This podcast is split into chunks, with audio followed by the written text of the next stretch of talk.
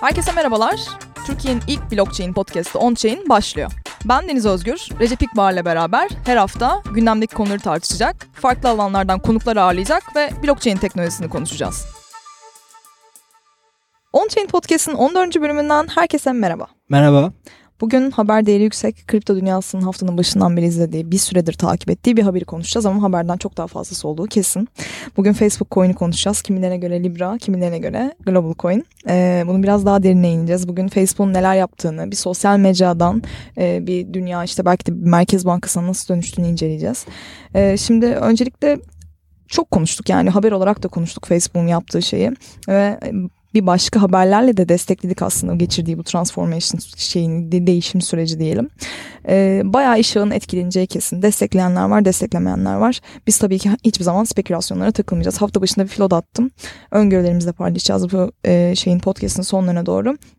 Şimdi bir bilgi kirliliği olduğu açık. O yüzden biz de araştırmamızı yaptık, hazırlandık ve en sağlam bilgileri getireceğiz bugün. Şeyi de söylemek Biraz... lazım tabii. Biz bu kaydı yaparken çarşamba e, sabah yayınlamak için daha önceden alıyoruz. Tabii ki. Şu anda pazartesi akşam. E, dolayısıyla biz biraz böyle belki de kahinlik yapıp belki ismi Libra diyoruz. Ama başka bir isim olabilir. Bugün belki yorumladığımız şeyler de salı günü belli olduktan sonra ne kadar doğruyuz ne kadar yaşlıyız ortaya çıkabilir. Önemli? Hani onu da söyleyelim aslında. Hı-hı. Çünkü uzun zamandır 18'inde ayın bir evet. white paper yayınlanacağı söyleniyor. Tabii ki white paper'ı okuyup inceleyip ondan sonra onu... Eğer yayınlanmışsa siz şu anda dinlerken oradaki bilgilerle de destekleyebilirsiniz buradaki evet. podcast. Şimdi e, Libra ismini verdikleri bir e, kripto paradan bahsediyoruz. Ee, ne yapmaya çalıştığına gelmek istiyorum. Öncesinde blockchain'den e, hiç bahsetmeyelim. Facebook'un geçirdiği bu dönüşüm sürecinden sen bize biraz bahset. Evet yani bu bölümü hazırlanırken aslında benim de ufak ufak şoklar e, yaşadığım, küçük çaplı şoklar yaşadığım ve sonra bütün resmi böyle e, birleştiği zaman genel geniş resim aynen bir aydınlanma anı hadi canım falan dediğim bir sürece şeye gireceğim aslında burada bir listeleye listeleye gideceğim. Biliyoruz tabii ki Facebook'u yani burada benim anlattıklarımda bildiğimiz çok fazla şey var ama böyle arka arkaya sıralayınca ulan bunların amacı falan hani gibi bir şey oluyor yani. Komple teorilerini de açık. Şimdi 2004'te kuruluyor. Tabii işte bu e, Social filminden de çok aşinayız buradaki süreçlere. The Facebook adı. E, hatta işte biri geliyor yatırımcı bu Netscape'in yatırımcılarından The Yatın falan böyle artist sahneler Oo. falan var. E, o zaman ilk yılında 1 milyon üyeyi oluşuyor. Tabii ki orada aslında üniversitelerle ve liselerle başlayan bir süreci var Facebook'un. E, 2005'te fotoğraf yükleme özelliğini ekliyor e, sanki her zaman varmış gibi ama ilk senesinde yok mesela fotoğraf yükleme özelliği ve 6 milyon üyeye ulaşıyor. Düşün yani 2004'te açtın işte 2005'te 6 milyon üyeye ulaşmışsın. Sonra e, ilk güvenlik tepkilerini de bu arada geçtiğimiz yıllardan çok daha önceleri alıyor. Hani bu ortaya çıktı güvenlik sorunları falan filan. 2006'da mobil Facebook'a yatırımlar yapmaya başlıyor ve haber akışı özelliğini getiriyor. Şimdi o günleri e, yaşayanlar biliyor belki bizim jenerasyonda ama sizin jenerasyonda. E, direkt Facebook'a doğduğunuz için aslında sizin evet. zamanınızda. Belki bunu şey yapmıyor olabilirsiniz ama o, o zaman şöyle oluyor bir anda sizin kendi kendinize bir şeyler yaptığınız, eklediğiniz bir yerken haber akışıyla beraber herkesin profili herkese açılmış oluyor. Çünkü ilk başta arkadaşlık özelliği yok. Evet. Sonra e, güvenlik sıfıra iniyor ve herkes birbirini gördüğü için tepkiler artıyor. Tepkiler sonucu arkadaşlık özelliği getiriliyor ve tüm öğrenciler e, dışındaki kullanıcılar da açılmaya başlıyor ilk defa. 2006 bitiminde Aralık her ay e, her sene Aralık e, başında bir e, yayınlıyorlar. Aslında buradaki üye sayıları oradan geliyor. 2006 bitiminde 12 milyon üyeye ulaşıyor. Ee, katlana katlana artıyor yani 1, 6, 12. Hı-hı. Müthiş bir grafik. 2007'de Microsoft mobil Facebook'a yatırım yapıyor. Firmanın %1.6'lık hissesini 240 milyon dolara satın alıyor.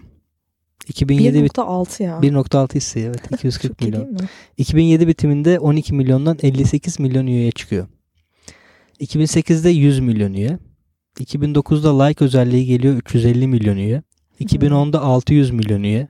2011'de 845 milyon üye. 2012 ve 2013 seneleri Facebook için önemli kırılım noktaları. Çünkü 2012'de Instagram 1 milyar dolara satın alıyor Facebook. 2013'te Ericsson, Mediatek, Nokia, Opera, Qualcomm, Samsung ile birlikte internet orgu hayata geçiriyor. İnternet.org 2015 aslında o zamana baktığımızda 2013'te dünya nüfusu 7 milyar. İnternete erişime sahip kişi sayısı ise kabaca 2,5 milyar. Yani aslında Facebook'un amacı 2,5 e, milyarlık o şey yani üçte birlik kısmına erişim var ama üçte ikilik erişim olmayan insanların e, internet erişimini sağlamak. Hindistan pilot bölge, Afrika'da çalışmalar yapılıyor. Dolayısıyla buradaki yerlerdeki Bazı varlığını galiba. Yani şu anda neyse bahsedeceğim ama tamam, çok girmeyeyim. Tamam. Yani buradaki varlığını arttırmak istiyor Facebook. Oralara erişim erişmek istiyor. Herkese internet Aslında bu, o zamanlar ben hatırlıyorum işte e, bu balonlarla e, bir şeyler yapabilir miyiz? Hmm. İnternete yayabilir miyiz konuşuluyordu. Sonra dronlar giriyor. Dronlarla bir internet. Hatta lazer teknolojisinin denendiğini okudum falan. Bu lazer de çok zor bir teknoloji. Yani bir noktadan bir noktaya milimilimetrik aslında noktalar arasında bir lazerli internet altyapısı. Bunu Türkiye'de yapan bir e, şey var. E, Kültür Üniversitesi'nin yeni kapı şey yeni kapı diyorum. E, şey tarafında bir Şirin Evler tarafında bir kampüsü var ya o yol üzerinde. e, caddenin iki karşısında olan iki kampüs var. O iki kampüsün internetini o lazerle birleştiriyor. Türkiye'deki önemli örneklerden biri ama mesafe çok kısa. Çok yani buradan Kızılötesi gibi var. Kızılötesi gibi bir şey evet. Yani buradan mesela sen işte Türkiye içinde İzmir'e bile gönderdiğin zaman onun hani o hizayı takip etmesi lazım. Hatta Amerika'da bununla ilgili çalışan önemli bir Türk de var yani. Onu da şey ben yaparız. bunun artısının ne olduğunu anlamadım açıkçası. Yani İnternet şey atıyorsun. Yani hiçbir kablo kabloyla kablo, yani yok. Kültür Üniversitesi caddenin, caddenin iki karşısındaki Hı. üniversite arasında hiçbir kablo altyapısı olmadan Anladım. internetini aktarıyor. O altyapıyı sağlıyor. Dolayısıyla böyle çalışmalar yapıyorlardı. 2014'te Afrika'daki üye sayısı sadece 100 milyon aşıyor. 2014'te yine Facebook WhatsApp'ı satın alıyor. Burada 4 milyar dolar nakit, 12 milyar dolar Facebook hissesi ve WhatsApp kurucularına da 3 milyar dolar. Totalde 19 milyar dolarlık bir satış. 1 milyara Instagram aldı, 19 milyar dolara WhatsApp aldı, 20 milyar dolar gitti. Neyse yine 2014'te Connectivity Lab'ı duyuruyor. Amaç insansız hava araçlarıyla interneti yaymak. Bu sene Oculus'u satın alıyor ve VR sektörüne giriyor. Aslında VR, AR ve e, buradaki diğer MR dedikleri mixed e, teknoloji e, aslında hepsi XR'ı oluşturuyor. E, bir aslında genel bir e, deneyim, deneyim paylaşımı bu gözlüklerle beraber. Sonra 400 milyonu nakit 2 milyar dolara almış oluyor e, Oculus'u totalde. 2015'te ise Facebook AI Research Paris açıyor. Yapay zekaya giriyor. Facebook Lite uygulamasını piyasaya çıkartıyor. Şimdi böyle şeyler var. Yani hı hı. bir yerden Oculus Rift'i alıyorsun, bir yerden WhatsApp, Instagram'ı alıyorsun, bir yerden Lite'la bir yerlere işte Afrika, Hindistan'a gidiyorsun. Çok önemli bir nokta var. 2014'teki Oculus satın alımından sonra konferansta Mark Zuckerberg'in söylediği sözleri söylüyorum sana. Önümüzdeki 10 yıl için 3 önemli hedefimiz var. 1. Dünyadaki herkese bağlantılı hale getirmek. Facebook'un klasik her yerde yazan şeyi. 2. Dünyayı anlamak. Oculus'la ve yapay zeka ile biraz bunun için çalışıyor. 3 çok önemli bizi ilgilendiren tarafı bilgi ekonomisini inşa etmek. Aslında tüm bu hikayede çok net bir şekilde Facebook'un gelecek planlarını görebiliyoruz. Burada yeni bir ekonomi inşa ediyorlar bilgi üzerine yani insanların dataları üzerine kurulu bir ekonomi inşa ediyorlar. Hı. İnternet ile bankacılık sisteminin girmediği bölgelere ulaşabiliyorlar. Bugün dünyada herkes bankacılık sistemine, finans sistemine girmiş durumda değil. Dolayısıyla Facebook'un ana amacı bu. Burada önemli bir e, şey link paylaşacağım Telegram kanalımızda. Onchain Podcast Telegram kanalında. Hala takip etmeyenler varsa kaynaklara oradan ulaşabilirler. Time'dan Lev Grossman'ın çok güzel bir araştırması var. E, bu direkt hatta Facebook World Plan olarak yazıyor. Facebook'un iç tarafında dünyayı birbirine bağlama planından bahseden bir e, araştırma. Bildiğim böyle film ko- komplo teorisi gibi komplo bir şey. teorisi yani. gibi bir şey. Aynen öyle. Oradan hani bahsediyor. Mark'la falan da zaten çok yakın bir adam bu Lev Grossman. E, dolayısıyla böyle aslında Facebook'un geldiği bütün süreç dünya çapında bir bilgi ekonomisi inşa etmek. Ekonomi girdiği zaman da aslında kripto para dediğimiz o nokta e, son nokta aslında bağlayıcı. Yani bütün Oculus'u, Instagram'ı, WhatsApp'ı neden aldığının aslında bağlandığı nokta orası. Hı hı. bu çok acayip bir dünya. Yani bu açıdan bakınca, bu genellemeyle bakınca. Ee, sana buradan aslında şeye vermek istiyorum. Yani Libra veya işte Global şey muhtemelen Libra olacak. Hı hı. Ee, ne yapıyorlar? Yani buradaki gerçekler neler? Biraz sana da bu tarafı sorayım yani. Evet şimdi birazcık işin blockchain kısmından bahsedelim. Libra ile ilgili gerçeklerden en önemli noktalardan bahsedelim. Ee, bu aslında söylediğin tüm noktalar bize şunu anlatıyor. Facebook sosyal ağdan çok daha fazlası olmaya başladı bile. Hı hı. Sahip olduğu veri miktarı çoğu merkez bankasından, çoğu ülkeden, çok daha devletten çok daha fazla. Ve bakınca aslında en fazla market gücüne sahip internet şirketlerinden bir tanesi oluşu blockchain ile olan ilgi alakanın ve yatırımların artacağını söylüyor. Bu nereden baksanız aslında iyi bir sonuç ama tabii ki çok dikkat edilmesi gereken farklı noktalar var. Sektörü geliştirme tarafından mı iyi bir sonuç kesinlikle, olarak? Aynen öyle yani şu anda Microsoft'un, Uber'in çok büyük şirketlerin aslında bunu kabul ettiğini görüyoruz bu e, ödeme şeklini, ödeme altyapısını. Bu en sonunda geleceğimiz bir takım öngörülerin şu andan yapılabilmesine aslında ortam sağlıyor.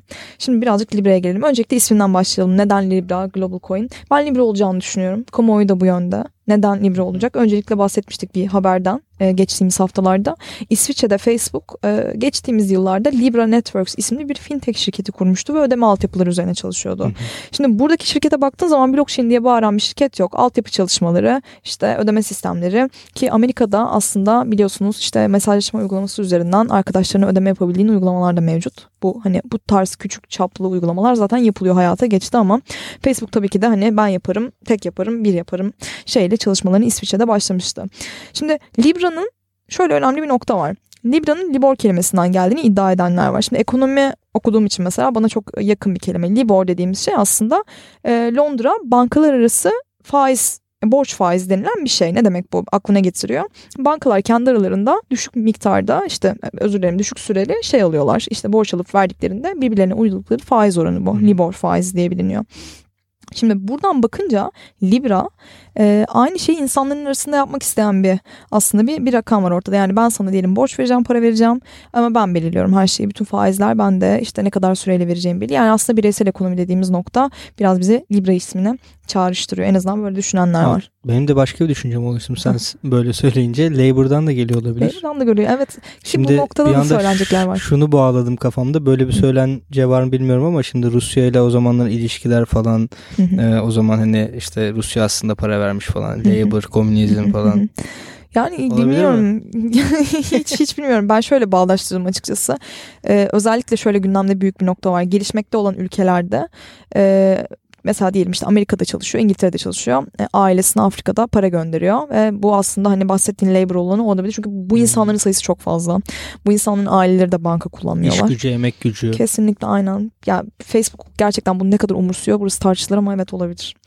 Şimdi Facebook bugün bahsettiğin gibi işte WhatsApp, Instagram, Messenger gibi sosyal platformların neredeyse hepsine sahip. Hı hı. Ve bu platformlarda komisyon almadan bu parayı kullandıracak e, şey uygulama kullanıcı, kullanıcıları arasında. Libra bir fiyat para sepetine endeksle. Ne demek bu? Fiyat para dediğimiz şey işte dolar, euro, işte yen, e, gibi gibi işte ya da pound gibi böyle dünyanın lider e, ekonomilerine ait fiyat para birimlerinden oluşan bir sepet yani bir stable coin aslında. Yani alıp ben Facebook coin'i bugün alıp da değerlenmesini beklemek gibi bir şey çok da söz konusu değil. Yani volatilitesi minimuma indirilmiş bir para olacağı kesin. Şimdi podcast'e değindiğimiz haberlerin bizi nereye götürdüğünü ve inceleyelim sizlerle. Şimdi demiştik biz daha önceki podcastlerimizde haber olarak geçmiştik. İsviçre'de Libra Networks kuruldu. Bunun haberini Telegram'da bulabilirsiniz. İkinci olarak Facebook e, geçtiğimiz aylarda PayPal'ın yöneticisi David Marcus'u almıştı ve blockchain ekibinin başına oturtmuştu. David bu projenin de başında. E, yanında Instagram'ın ürün yöneticisi Kevin Vale ve Facebook'un hazine yöneticisi Sunita isimli bir kadın var. Bunlar aslında üç temel beyin. Dream Team, rüya takımı. Aynen Dream Team baktığın zaman. De yüzden fazla blockchain çalışanı varmış diye düşünüyorum. Evet aynen öyle bir haber de vardı. Yani şöyle biraz dışarıdan bakınca aslında gerçekleri görmek çok da zor değil. Burada aslında bu üç kişi bütün coin'i yönetmiyor. Tabii öyle bir şey yok veya şey. Ya burada yapılan şeyi söyleyeyim sana. Coin'in yönetimi bağımsız bir dernek tarafından yapılacak diyorlar. Libra Networks işte bilmiyorum artık. Libra Association bilmiyorum artık ne olacak. Bunu 18'inde e, göreceğiz. E, coin yönetimini devralan bu bağımsız derneğe katılmak için şirketlerden ve bireylerden e, katılım ücreti istiyorlar tabii ki. Bu ne demek oluyor? Aslında normalde biz blockchain dünyasında biliyorsunuz yani bir node koşmak, node runner node, full node hani full node koşarsın. Ve bu sayede aslında madencilerin yaptığı gibi coin üzerinde belirli bir e, otoriteye sahip olursun, bir yönetme gücüne sahip olursun. Hı hı. Burada tabii ki de e, Facebook'un taraflı yani Facebook'un coin'i olması ger- e, gerçeğiyle karşı karşıyayız. O yüzden derneğe kayıt olmak isteyen herhangi bir şirket bugün e, bir not koşmak için ki ne kadar oranda e, yönetim sahibi olduğunu henüz bilmiyoruz. White Paper ile beraber göreceğiz. Bir not koşmak için yaklaşık 10 milyon dolar değerinde bir yatırım yapmak zorunda Facebook'a bir rakam. Evet Hı-hı. kesinlikle öyle. Şimdi tabii ki de düşününce merkeziyetsizlik yaralanıyor mu? Evet. Hani dolara daha fazla ağırlık veriliyor mu? Evet. Daha fazla insanın eline e, bir yöntem ve işte bir kontrol cihazı geçiyor mu? Evet aslında bunların hepsi olacak. Merkeziyetsizlik yeniden zedelenecek. Burası kesin. Ve 10 milyon dolar belki de bunun için iyi bile bir para olabilir. Şimdi bununla ilgili tabii ki de e, Foundation'la ilgili de çeşitli haberlerin içeriklerin toplandığı bir yer var. Bunu Facebook'ta e, şeyde paylaşacağım, Telegram'da paylaşacağım hı hı. ayrıca. Bir diğer önemli haberse her yerde kripto ATM'lerin kuracağı yönünde. Kripto ATM'leri Aynı zamanda mesela fiyat paranı da mesela Türk lirasını çevirebiliyorsun coin'e gibisinden böyle şeyleri var. Facebook tabii mükemmel muazzam bir yatırım yaptığını düşünürsek bugüne kadarki ATM sayının sayısını belki e, işte 3'e 5'e katlayacak şu anda ciddi bir oluşum olacak bu konuda. Yani kısacası Facebook aslında şeye giriyor yani e, blockchain banka tarafına giriyor da Kesinlikle. diyebiliriz yani Aynen o öyle. yani. Aynen öyle.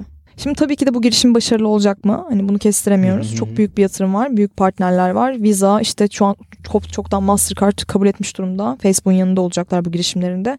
Ama daha önce başarısız olduğu ve devlette çok büyük problemler yaşayan başka bir uygulama, bir mesajlaşma uygulaması görmüştük. Burada sana lafı atayım. Kiki bize açıklar mısın? O zaman kapitalizm diyelim yani. Hani şöyle çünkü kapitalizm diyeceğiz. Yani işte uğraşıyoruz startuplar vesaire bilmem ne falan ama bir güç var. Yani bugün Facebook'un elinde de bir güç var. Yani Facebook ve Visa. Yani Facebook diyor ki ben dünyadaki milyarlarca insanı internete eriştiriyorum. Visa diyor ki bende dünyadaki milyarlarca insanın banka datası var. Hani banka datası bankaya ulaşamayan bir havuz Facebook'ta ulaşanlar da var ama hani hedeflediği dedi ki Hindistan vesaire ulaşamayanlar Facebook'ta ulaşabilenler Visa'da. Birleştir bu iki gücü. Kim durabilir karşısında? Evet. Tekerlemede gibi de çıktı. Şimdi Kik 2017'nin sonunda e, ICO'ya çıkmış ve 95 milyon dolar toplamıştı. Security token olarak kendini değerlendirmişti. E, ve SEC tarafından da menkul kıymet olarak değerlendirilmeyince kıyamet koptu. Bozuldu yani biraz. Hiçbir şey anladın mı? Hiçbir amacı o, olayı kalmadı. Yani 95 milyon dolar topluyorsun security token olarak. SEC gidiyor diyor ki sen yapamazsın gibi bir nokta. Ee, bu savaş tabi 2019'da e, iyice doruk noktasına ulaştı. Kike çok pahalıya mal oldu. CEO'su Ted Livingston'ın söylediğine göre şu ana kadar sadece Amerika ile hukuksal olarak savaşta 5 milyon dolar uçmuş gitmiş. Ve bu rakamın mücadele ettikçe artacağı düşünülüyor. Dolayısıyla e, Kik bağış toplamaya başladı. E, bir bağış da toplanmış bu arada ve bağışta da şunu söylüyorlar. Bizim buraya ayırdığımız bir para var. Sadece sizin e, verdiğiniz bağışlar buradaki para aşılırsa kullanılacak. Ve sonradan işte bir şekilde verilecek. Şimdi Kik Ontario Kanada'da bir şirket.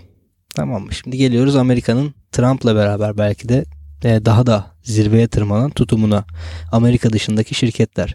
Şimdi Huawei savaşını zaten konuştuk biliyor, biliyorsun. E, Çin ile Kanada'yı da karıştırmayalım. Yani Amerika ya o kadar uzak değil tabii Kanada. Birleşik Devletler o kadar uzak değil ama şunu hatırlatmak istiyorum ben. Facebook İsviçre'de şirket kurduğunda bile Amerika köpürmüştü. Hatta şey söylentileri vardı yani Mark Zuckerberg'ü e, mahkemenin karşısına çıkarmalarındaki en önemli faktör e, Libra'yı e, Facebook'un İsviçre'de kurması. Çünkü Amerika şunu diyor yani ben seni besledim, büyüttüm, startup'ı aldım. Sen şimdi gidiyorsun İsviçre'de vergi sistemine giriyorsun. Bunu yapamazsın. Bir gözdağı.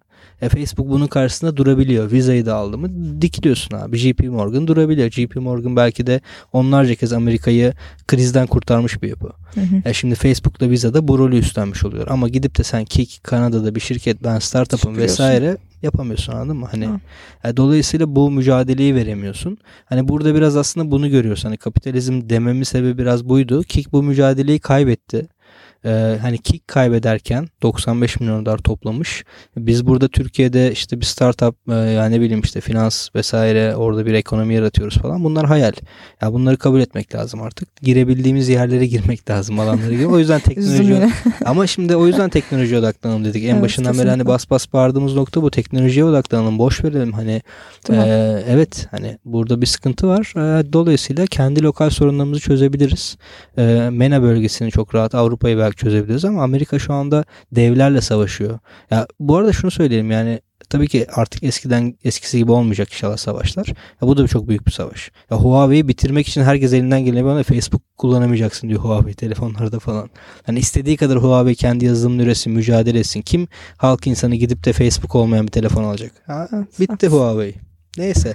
Yani Böyle bir durum var. Hani sen nasıl görüyorsun burada? Biraz aslında bunu da sormak hmm, lazım. Yani tabii burada ben Facebook'un şahmat edeceğini düşünüyorum. Yani şu anda aldığı partnershipleri falan düşününce burada tabii değişen piyasa dinamiklerini göz önüne almak lazım. O yüzden e, en çok konuşulan öngörüleri ben böyle biraz sıralamak istiyorum. Hmm. Neler olacak Facebook'la ilgili aynı şeyle karşılaşacak mıyız? Biraz daha işte piyasanın liderlerinden aslında bir derleme gibi düşün. Bir kere bu projenin en fazla gelişmekte olan ülkeleri etkileyeceğini düşünüyorlar. Hmm. Bir kere zaten bizlerin e, bizlerin bile 3. dünya ülkesi diyeceğim e, ve tabii ki de Amerika'nın MENA bölgesinin ve çeşitli işte Dubai'nin Arap ülkelerinin e, çok daha fazla harcama yaptığı kesin.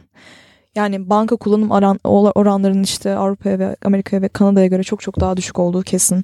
Yine buradaki ülkelerde bahsettiğimiz gibi çalışan insanların ailelerine para göndermesi ihtiyaç. Her şeyi geçiyorum. Bu ülkelerde insanlar Merkez Bankası'nın otoritesine güvenmiyorlar. Venezuela %130 bir enflasyon oranıyla bugün bile e, şöyle bir kıyaslama var hatta. İşte Almanya'nın Birinci Dünya Savaşı'ndan sonra yaşadığı o hiper enflasyon döneminden kat be kat fazlasını yaşıyor Venezuela bugün yani. Neden? Değil mi sonuçta? İnsanlar böyle sokaklara para para yani atıyorlar. Demet demet para atıyorlar falan. E böyle olunca bu insan tabii ki de kriptoya sarılacak yani. Bununla birlikte bir, şey Almanya ile bir şeyi var. Bir karşılaştırması var. Çok çarpıcı bir görsel. Onu paylaşacağım mutlaka bu bu sebeplerin hepsini toplayınca çok da görmek zor değil. Zaten Facebook'ta zaten kalkıp bas bas bağırıyor. Ben o, o ülkeleri hedefliyorum diye. Daha fazla insana ulaşmak istediklerini söyleyerek tabii ki. İkinci olarak şu nokta önemli. Facebook'un coin sahiplerine faiz ödeyeceği konuşuluyor ve faiz oranları yaklaşık olarak %2,5 2,3 civarlarında ki bu zaten Fed'in bugün verdiği faiz oranına çok yakın. Bu ne demek? Ee, yani hiç ekonomi okumadığınızı düşünün. Ee, verdiğiniz para için size ayın sonunda daha fazla e, para üstüne veren işte hani paranın maliyetinin artması aslında Facebook'ta e, Amerika'da çeşitli sorgulamalar başlattı bile. Yani şöyle insanlar şu anda faiz veren kurumların hı hı. E, devlet tarafından finanse edilmesine, finanse edilmesine karşı çıkmaya başladı. Yani bankalar bize okey faiz veriyor da yani Facebook'ta veriyorsa o zaman hani hatta aynı oranda belki de daha düşük veriyorsa veya ben Facebook'tan daha ucuza bir işte şey alabiliyorsam, borç alabiliyorsam bütün bu dinamikleri toplayınca aslında tek bir şey çıkıyor. O da bankaların e, öngörülemez. öngörülemez demeyeceğim çünkü öngörülebilir. Düşüşü. E, şeyi var işte bir çöküşü var burada ve biz biliyoruz ki 2008 krizinden yani böyle şeyler ip ipe bağlı ve hani biri giderse hepsi gider. E, bir diğer özelliği şu Merkez Bankası'ndan daha fazla verisi var. E, şimdi daha da fazla parası olacak. Yani hı hı. parayı yönetme gücü merkez bankalarının en büyük özelliği para politikalarını inşa etmek olduğu için e, eğer yokluğunda eğer bir tool'unu bir aracını kaybederse Merkez Bankası devletler bugün durdukları kadar otoriter olmayabilir. Yani artık e, belki de işte şirketlerin özellikle işte Facebook'la başlayan bir furanın e, şirketlerin domine ettiği toplumların artık e, devletlerden arındığını görebiliriz. Yani ekonominin dengelerinin değişmesi aslında bütün politik dengeleri de değiştirebilir. Bunu söylemeye çalışıyorum. Hı hı. Bir diğer şey burada finansal regülasyonların değişeceği ve sorgulanacağı yönünde. Az önce bahsettiğim gibi aslında burada şunu görüyoruz. Biz bugün kripto para konusunda emtia mı işte yoksa şey mi para mı falan bunları tartışıyoruz falan. Burada Facebook'un işte yumruk gibi indirdiği bir şey var. Volatilitesi düşük bir para değeri sunuyorum ve bunu benim mesajlaşma platformlarından kendi içimdeki işte bu alım satım Facebook biliyorsun şeyde de var hani bir store falan var içinde bir shop var. Oraya kadar kullanabilecekler. ATM de ekliyor zaten. Düşün. Onu da ekliyor zaten. Ee, bir şey ee, bu koşullarda diyor ki ben parayım diyor geçiyor yani. Artık viza da var. Hani evet. bak viza olmasa belki bu viza desteklemese belki Hı-hı. şeye çok e, konuşmamız anlamsız olabilirdi ama bugün bütün bankaların e, bu kadar aslında işte bir şekilde kurulabilmesi ve devam edebilmesinin Visa Mastercard Hı-hı. altyapısını kullanarak gidiyorlar. Visa da evet. destekledi ne yapacaksın yani? Evet ki destekliyor zaten. Yani yapacak hiçbir şey yok. E, o yüzden bu sürenin sonunda artık Libra'nın e, regülasyonların ismini koyacağı söylenebilir birkaç sene içerisinde. Şimdi Facebook'un bir diğer ortaya çıkartmak istediği şey aslında bu coin'le beraber biliyorsun KYC yani süreçlerin tamamlanması gerekiyor. KYC dediğimiz süreç aslında Know Your Customer, müşterini tanı. Bizim normalde borsadan para alan herhangi bir insanın zaten açıklamıştık bunu. Kimliğini tanıtması, pasaportunu, suratını tanıtması ile ilgili olan bir süreç bu. Şimdi 2.3 milyar kullanıcısı var bugün Facebook platformunda. Bunların kaç tanesinin gerçekten hala aktif olduğunu, yaşadığını, platformu kullandığını bu coinle beraber Facebook öğrenecek. O yüzden bu konuda biraz heyecanlı olduğunu söyleyebiliriz. Hı hı. Çalışanlarından bu şekilde açıklamalar geldi yani. Onun dışında son e, ön, öngörüye gelelim. Bu da büyük bir tahmin tabii ki de. Facebook'un yaptığı projenin Bitcoin'in geleceğine çok olumlu katkıda bulunacağını düşünüyor çoğu insan. Bunun nedeni aslında hani çok da şey değil düşün, görmek çok da zor değil. Baktığın zaman Facebook şu anda inanılmaz bir yatırım içeri oluyor. E, herkes şu an blockchain'i öğrenmeye başlayacak. Daha fazlası ilgi duyacak. E, akın edecek belki insanlar ve baktığın zaman Facebook'un coin'i volatil değil. Yani sınırlı da Stable değil. Stable dediğimiz bu. evet, bir yere yani bağlı. Bir yatırım değeri yok yani. Sadece bir ödeme aracı. Ancak biz biliyoruz ki Bitcoin sınırlı miktarda ve 21 milyon Artık gittikçe 18 18 buçuklardayız şu an yanılmıyorsam. Ee, bitecek yani bir yerde bitecek ve bu aslında yani çok çok grafikte bir patlama baktığınız zaman böyle düşünen çok fazla insan var. Ee, burada aslında şeyi düşününce şöyle geniş resmi düşününce Facebook artık yalnızca bir Facebook değil. İnternet artık yalnızca internet değil. Biz yalnızca artık bir insan değil birer noduz. Yani bu zamana konu, kadar konuştuğumuz her şeyin e, aslında dizilerde de gördüğümüz bir noktaya geldiğini görüyoruz. Bu konuda geçen gün seninle izlediğimiz diziyi bir konuşalım istersen. Ne düşünüyorsun? Ya evet e, sen şimdi burada o maddeleri sıralarken gelecek öngörüleri vesaire tabii bunlar konuşulan şeyler daha fazlası da var ama önemli olanları aldın diye biliyorum. Evet evet öyle. E, yani Facebook'un aslında ilk çıktı işte Face Match falan işte önüne iki kişi geliyor üniversiteden bu mu bu mu falan geldiğimiz noktaya bak diye düşünmeden edemiyor insan. Ee, The Black Mirror'ın da 5. sezon 2. bölümde bu arada 6 beşinci... değil miydi? 6. sezon 5. sezon mi? tabii tamam. tabii. Aa sen yeni Mirror'cılardan. Beşinci sezon ikinci bölümünde çok beğenmedim genel olarak sezon. Hani ben onu da ufak bir şeyine gireyim. Yani eski yani, yani bilmiyorum ilk zamanların çok daha etkileyiciydi benim açımdan ama ikinci bölüm fena değildi. Simitrans diye bir bölüm. Ee, işte bu e, Simitrans diye bir şirket var bölümde pardon. Bir şey söyleyeceğim. Bence neden biliyor musun? Çünkü Hı-hı. ilk bölüm yani ilk sezonu izlediğim zaman ben teknolojinin bu kadar derinini bilmiyordum. Şimdi o kadar da etkilemedi bilmiyorum. Belki ondan mı? İnşallah ondandır eğer öyleyse çok iyi çünkü. Bence çok yani bilmiyorum ben katılmıyorum. Çok etkileyici bölüm değildi. Evet, bu kadar çok da yani. değildi evet. çok aman aman o falan. Ya sonunda böyle bir şok ol, olursun ya Black Mirror'ı izlerken öyle bir şey yoktu öyle ama şey yoktu. alt metinleri olan ve aslında önemli bir bölümdü. Zaten Barış Özcan da videosunda benzer bir şey söyledi. Yani biraz daha okumamız gerekiyor. Okuduğumuz zaman bölümü biraz daha anlamlı oluyor. Ee, Billy Bauer diye bir kurucu var. Ee, işte bu Simitrans diye bir şirketin kurucusu. Bunun bir çalışanını kaçırıyorlar vesaire vesaire. Neyse orada Billy Bauer'ın söylediği bir şey var. Diyordu ki yani bir noktadan sonra kontrol benden çıktı. Hani artık şirketin içinde böyle bakmaya başladım. Şimdi hani Zuckerberg'i düşünüyoruz tamam mı? hani şirketin bilmem yüzde kaçı Microsoft'ta işte sen e, Amerika'da seni e, mahkemenin karşısına çıkarmışlar. Oradan Visa ile anlaşılıyor. Oradan işte PayPal'ın kurucusu şey e, yöneticilerinden biri gelip 100, 100 kişiden Kimse fazla blok, blockchain ekibi kuruluyor falan. Yani sormuyordan ziyade bu kadar fazla kontrol sahibi olabildiğini de çok düşünmüyoruz. Yani hani ben en azından düşünmüyorum. E, benzer bir nokta var. Hani ya da şöyle söyleyeyim. Ya sadece şunu düşün. Sana geçen hafta sonu biraz söyledim çalışırken bölüme. İşte sen bunun kurucusu olduğunu düşün tamam mı?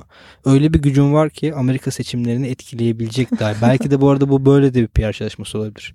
Yani tamam mahkemeye çıktı Ruslar Muslar girdi ama ben Amerikan seçimlerini etkileyebiliyorum. Ha, bu çok önemli bir nokta ya. Hı hı. Bu noktada senin alabileceğin tehdit mesajlarını, teklifleri yani bir düşün sadece anladın mı? Hani bu kadar da basit değil. Biz buradan atıp tutuyoruz. İşte kireç gibiydi suradı çıktı mahkemeye bilmem ne falan işte mahvetti bize gizlilik kalmadı falan ama bir yerden sonra yapabildiğin zaman kapitalizmin hani bu dünyanın paranın ne kadar çekici olduğunu biliyorsun. Yani düşünsene bir insana hani insanlar da bizde biraz sıkıntı hani bizde de var. Ya veriyorsun ya bilgilerini giriyorsun her yere. Facebook'ta her şeyini veriyorsun. Normalde biri sana sorduğum hiçbir şey söylemiyor. Güvenlik bölümünde konuştuk. ya veriyorken niye almayayım ki anladın mı? Bu çünkü para ediyor. Yani dolayısıyla ben bilmiyorum sen ne düşünüyorsun bilmiyorum ama yani çok da böyle Mark Zuckerberg'in elinde değil artık bir şeyler gibi durmaya başladı yani. Yok canım elbette değil yani. Ya ben böyle gerçekten inzivaya çekildiğini falan düşünüyorum. Yani tabii ki asla bilemeyeceğiz de. Ya şu an birçok alanda dediğin gibi hani yapay zeka, ya sosyal platform yani adam hani gel çok chill bir şekilde yazmıştı halbuki. Neyse sonuçta uzun zamanda burada olacağı kesin bir şirketten evet. bahsediyoruz. İstersen yani haberlere geçelim. Haberlere yavaş geçelim. Şimdi az önce SEC ve Kik'in savaşından biraz bahsettik. Ee, burada CoinDesk'in YouTube kanalında avukatlar konuşmuş. Hı-hı. Bunu yorumluyorlar aslında. İlk haber olarak bunu paylaşalım. Bir YouTube e, videosu paylaşacağız. E, buradaki avukatların nasıl konuştuğu ile ilgili. E, zaten bugün bu konuştuğumuz bütün konular haber gibiydi. Hı-hı. O yüzden ben ikinci bir haberi paylaşacağım. Türkiye'den bir firma Coin Telegraph'a girdi. Coin Telegraph'ın ana sayfasında pazartesi itibariyle VTC Türk'ü görmeye başladık. Tabii farklı bir noktadan girdi. Android tarafında phishing yani oltalama dediğimiz bir sistemde bu şirketler yani buradaki kötü amaç amaçlı kullanan kişiler ya da şirketler e, BTC Türk Pro'nun e, logolarını ve görüntüsünü kullanarak Hı. insanların bu işte Two Factor Authentication SMS taraflarına girip dataları çalma noktasında bir çalışma yapıyorlar. Bu şey değil mi? Ben giriyorum. E, benim karşıma bir sayfa geliyor. Gayet BTC Uygulama Türk'ün geliyor Android şeyi. Store'da. Hı. App şey veya işte orada Google Giriyorum. Play'de. Şifremi veriyorum. içeriye giriyorum. Sanki sen BTC Türk sanıyorsun. Hı. Oradaki bütün bilgilerini veriyorsun. Giriyorsun. İşte bak bu noktada sana şimdi bir şeyin reklamını Buna hemen çakmak isterim. Phishing deniyor. Phishing deniyor. Hemen evet, bu, çak bu, reklamını. Bu, bu hacklenme olayını ben işte çok araştırıyorum. Apple ID üzerine bir şey paylaşmıştım. Şimdi artık zaten 95'ten bu yana phishing'e ilk defa değinmiyoruz bu arada. Yani ortalama metodu 95'ten bu yana maille çok büyük bir problem. Scam mailler sayesinde hayatımıza giriyor. Şimdi bununla ilgili Türkiye'de işte ben geçen günlerde işte başladığım tek sahne beraber aslında bir iş geliştirdik bile. Bir teknoloji var elimizde şu anda.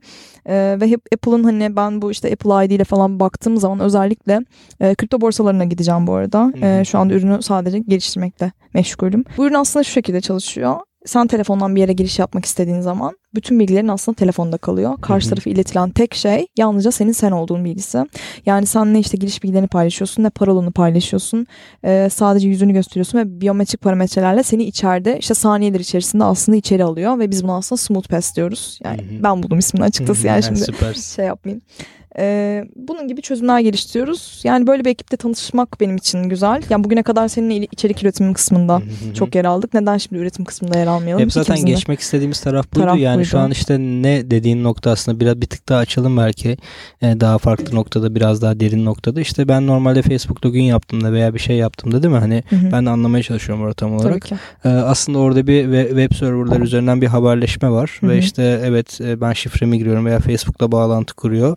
Ve Facebook'la bağlantı kurduktan sonra beni içeriye alıyor. Hı hı. Herhangi bir X sitesine. Evet. Sen diyorsun ki biz e, burada yüz tanıma ve işte belki diğer teknolojilerimizle beraber Güzel. bir e, giriş ses sistemi, tanıma, yüz ses tanıma, tanıma ve işte fingerprint. Aynen parmak izi, ses tanıma, yüz tanıma ile giriş alıyoruz. Hı hı. Ama bizim buradaki ürünün farkı şu oluyor. Biz sadece girişin onaylanıp onaylanmadığı bilgisini veriyoruz X sitesine. Kesinlikle öyle. Bütün her şey cihazınızda tutuluyor. Diyelim sen mesela Recep olarak e, bilgisayarından hı hı. girmek istediğin zaman aslında kendi bilgisayara yeniden tanıtmak durumunda okay, kalıyorsun. Okay, okay. Tabii başka çözümümüz de senin kendi lokal e, işte cihazların arasında aslında hani bir veri açık akışını sağlayan şey ama bunların hepsi lokal otantikasyon. Bankalar bunu çok manuel şöyle kullanıyorlar. Hı-hı. Mesela ben bir banka uygulamasına telefonumu tanımladığım zaman ki İş Bank'ta bu var. Garantide vesaire var mı bilmiyorum ama mesela Hı-hı. ben İş Bankası'nı uzun yıllardır kullanıyorum. Arada bir telefon değiştirdiğinde bana şey dedi. Ya bu modeliniz tanımlı değil bu telefonunuz. Ötekini Hı-hı. kaldırıp bunu tanımlayabilirsiniz falan gibi. Ben tekrar bir cihaz tanımladım oraya. Evet, hani orada... bunu sen aslında sistematik olarak uygulama girişinde yüz tanımayla vesaire yapıyorsun. Ve yani tek farkım dediğim gibi yani asla bilgilerini paylaşmadığım için karşı tarafın e, senin verilerine değil sana ihtiyacı olduğu artık e, benim için öncelikli olan o. Yani şirketlerin de bu tarz bir yaklaşım benimsemesi gerektiğini düşünüyorum ben. Hı hı. E, kripto borsalarında bu okuduğumuz hacklenme olaylarında artık sonunun getirilmesi gereken noktanın sign up'tan başlayıp KYC'ye kadar bütün süreçlerle izlenmesi gerektiğini düşündüğüm bir prosedür geliştiriyoruz şu anda. Umarım başarılı olur. Süper. Ee, biz de öyle umuyoruz. Bekliyoruz Teşekkür haberlerin ederiz. heyecanla. O zaman bu haftalık bizden bu kadar diyelim. Önümüzdeki hafta yine burada çarşamba günü blockchain odağında teknoloji konuşmaya devam edeceğiz. Herkese iyi haftalar dileriz.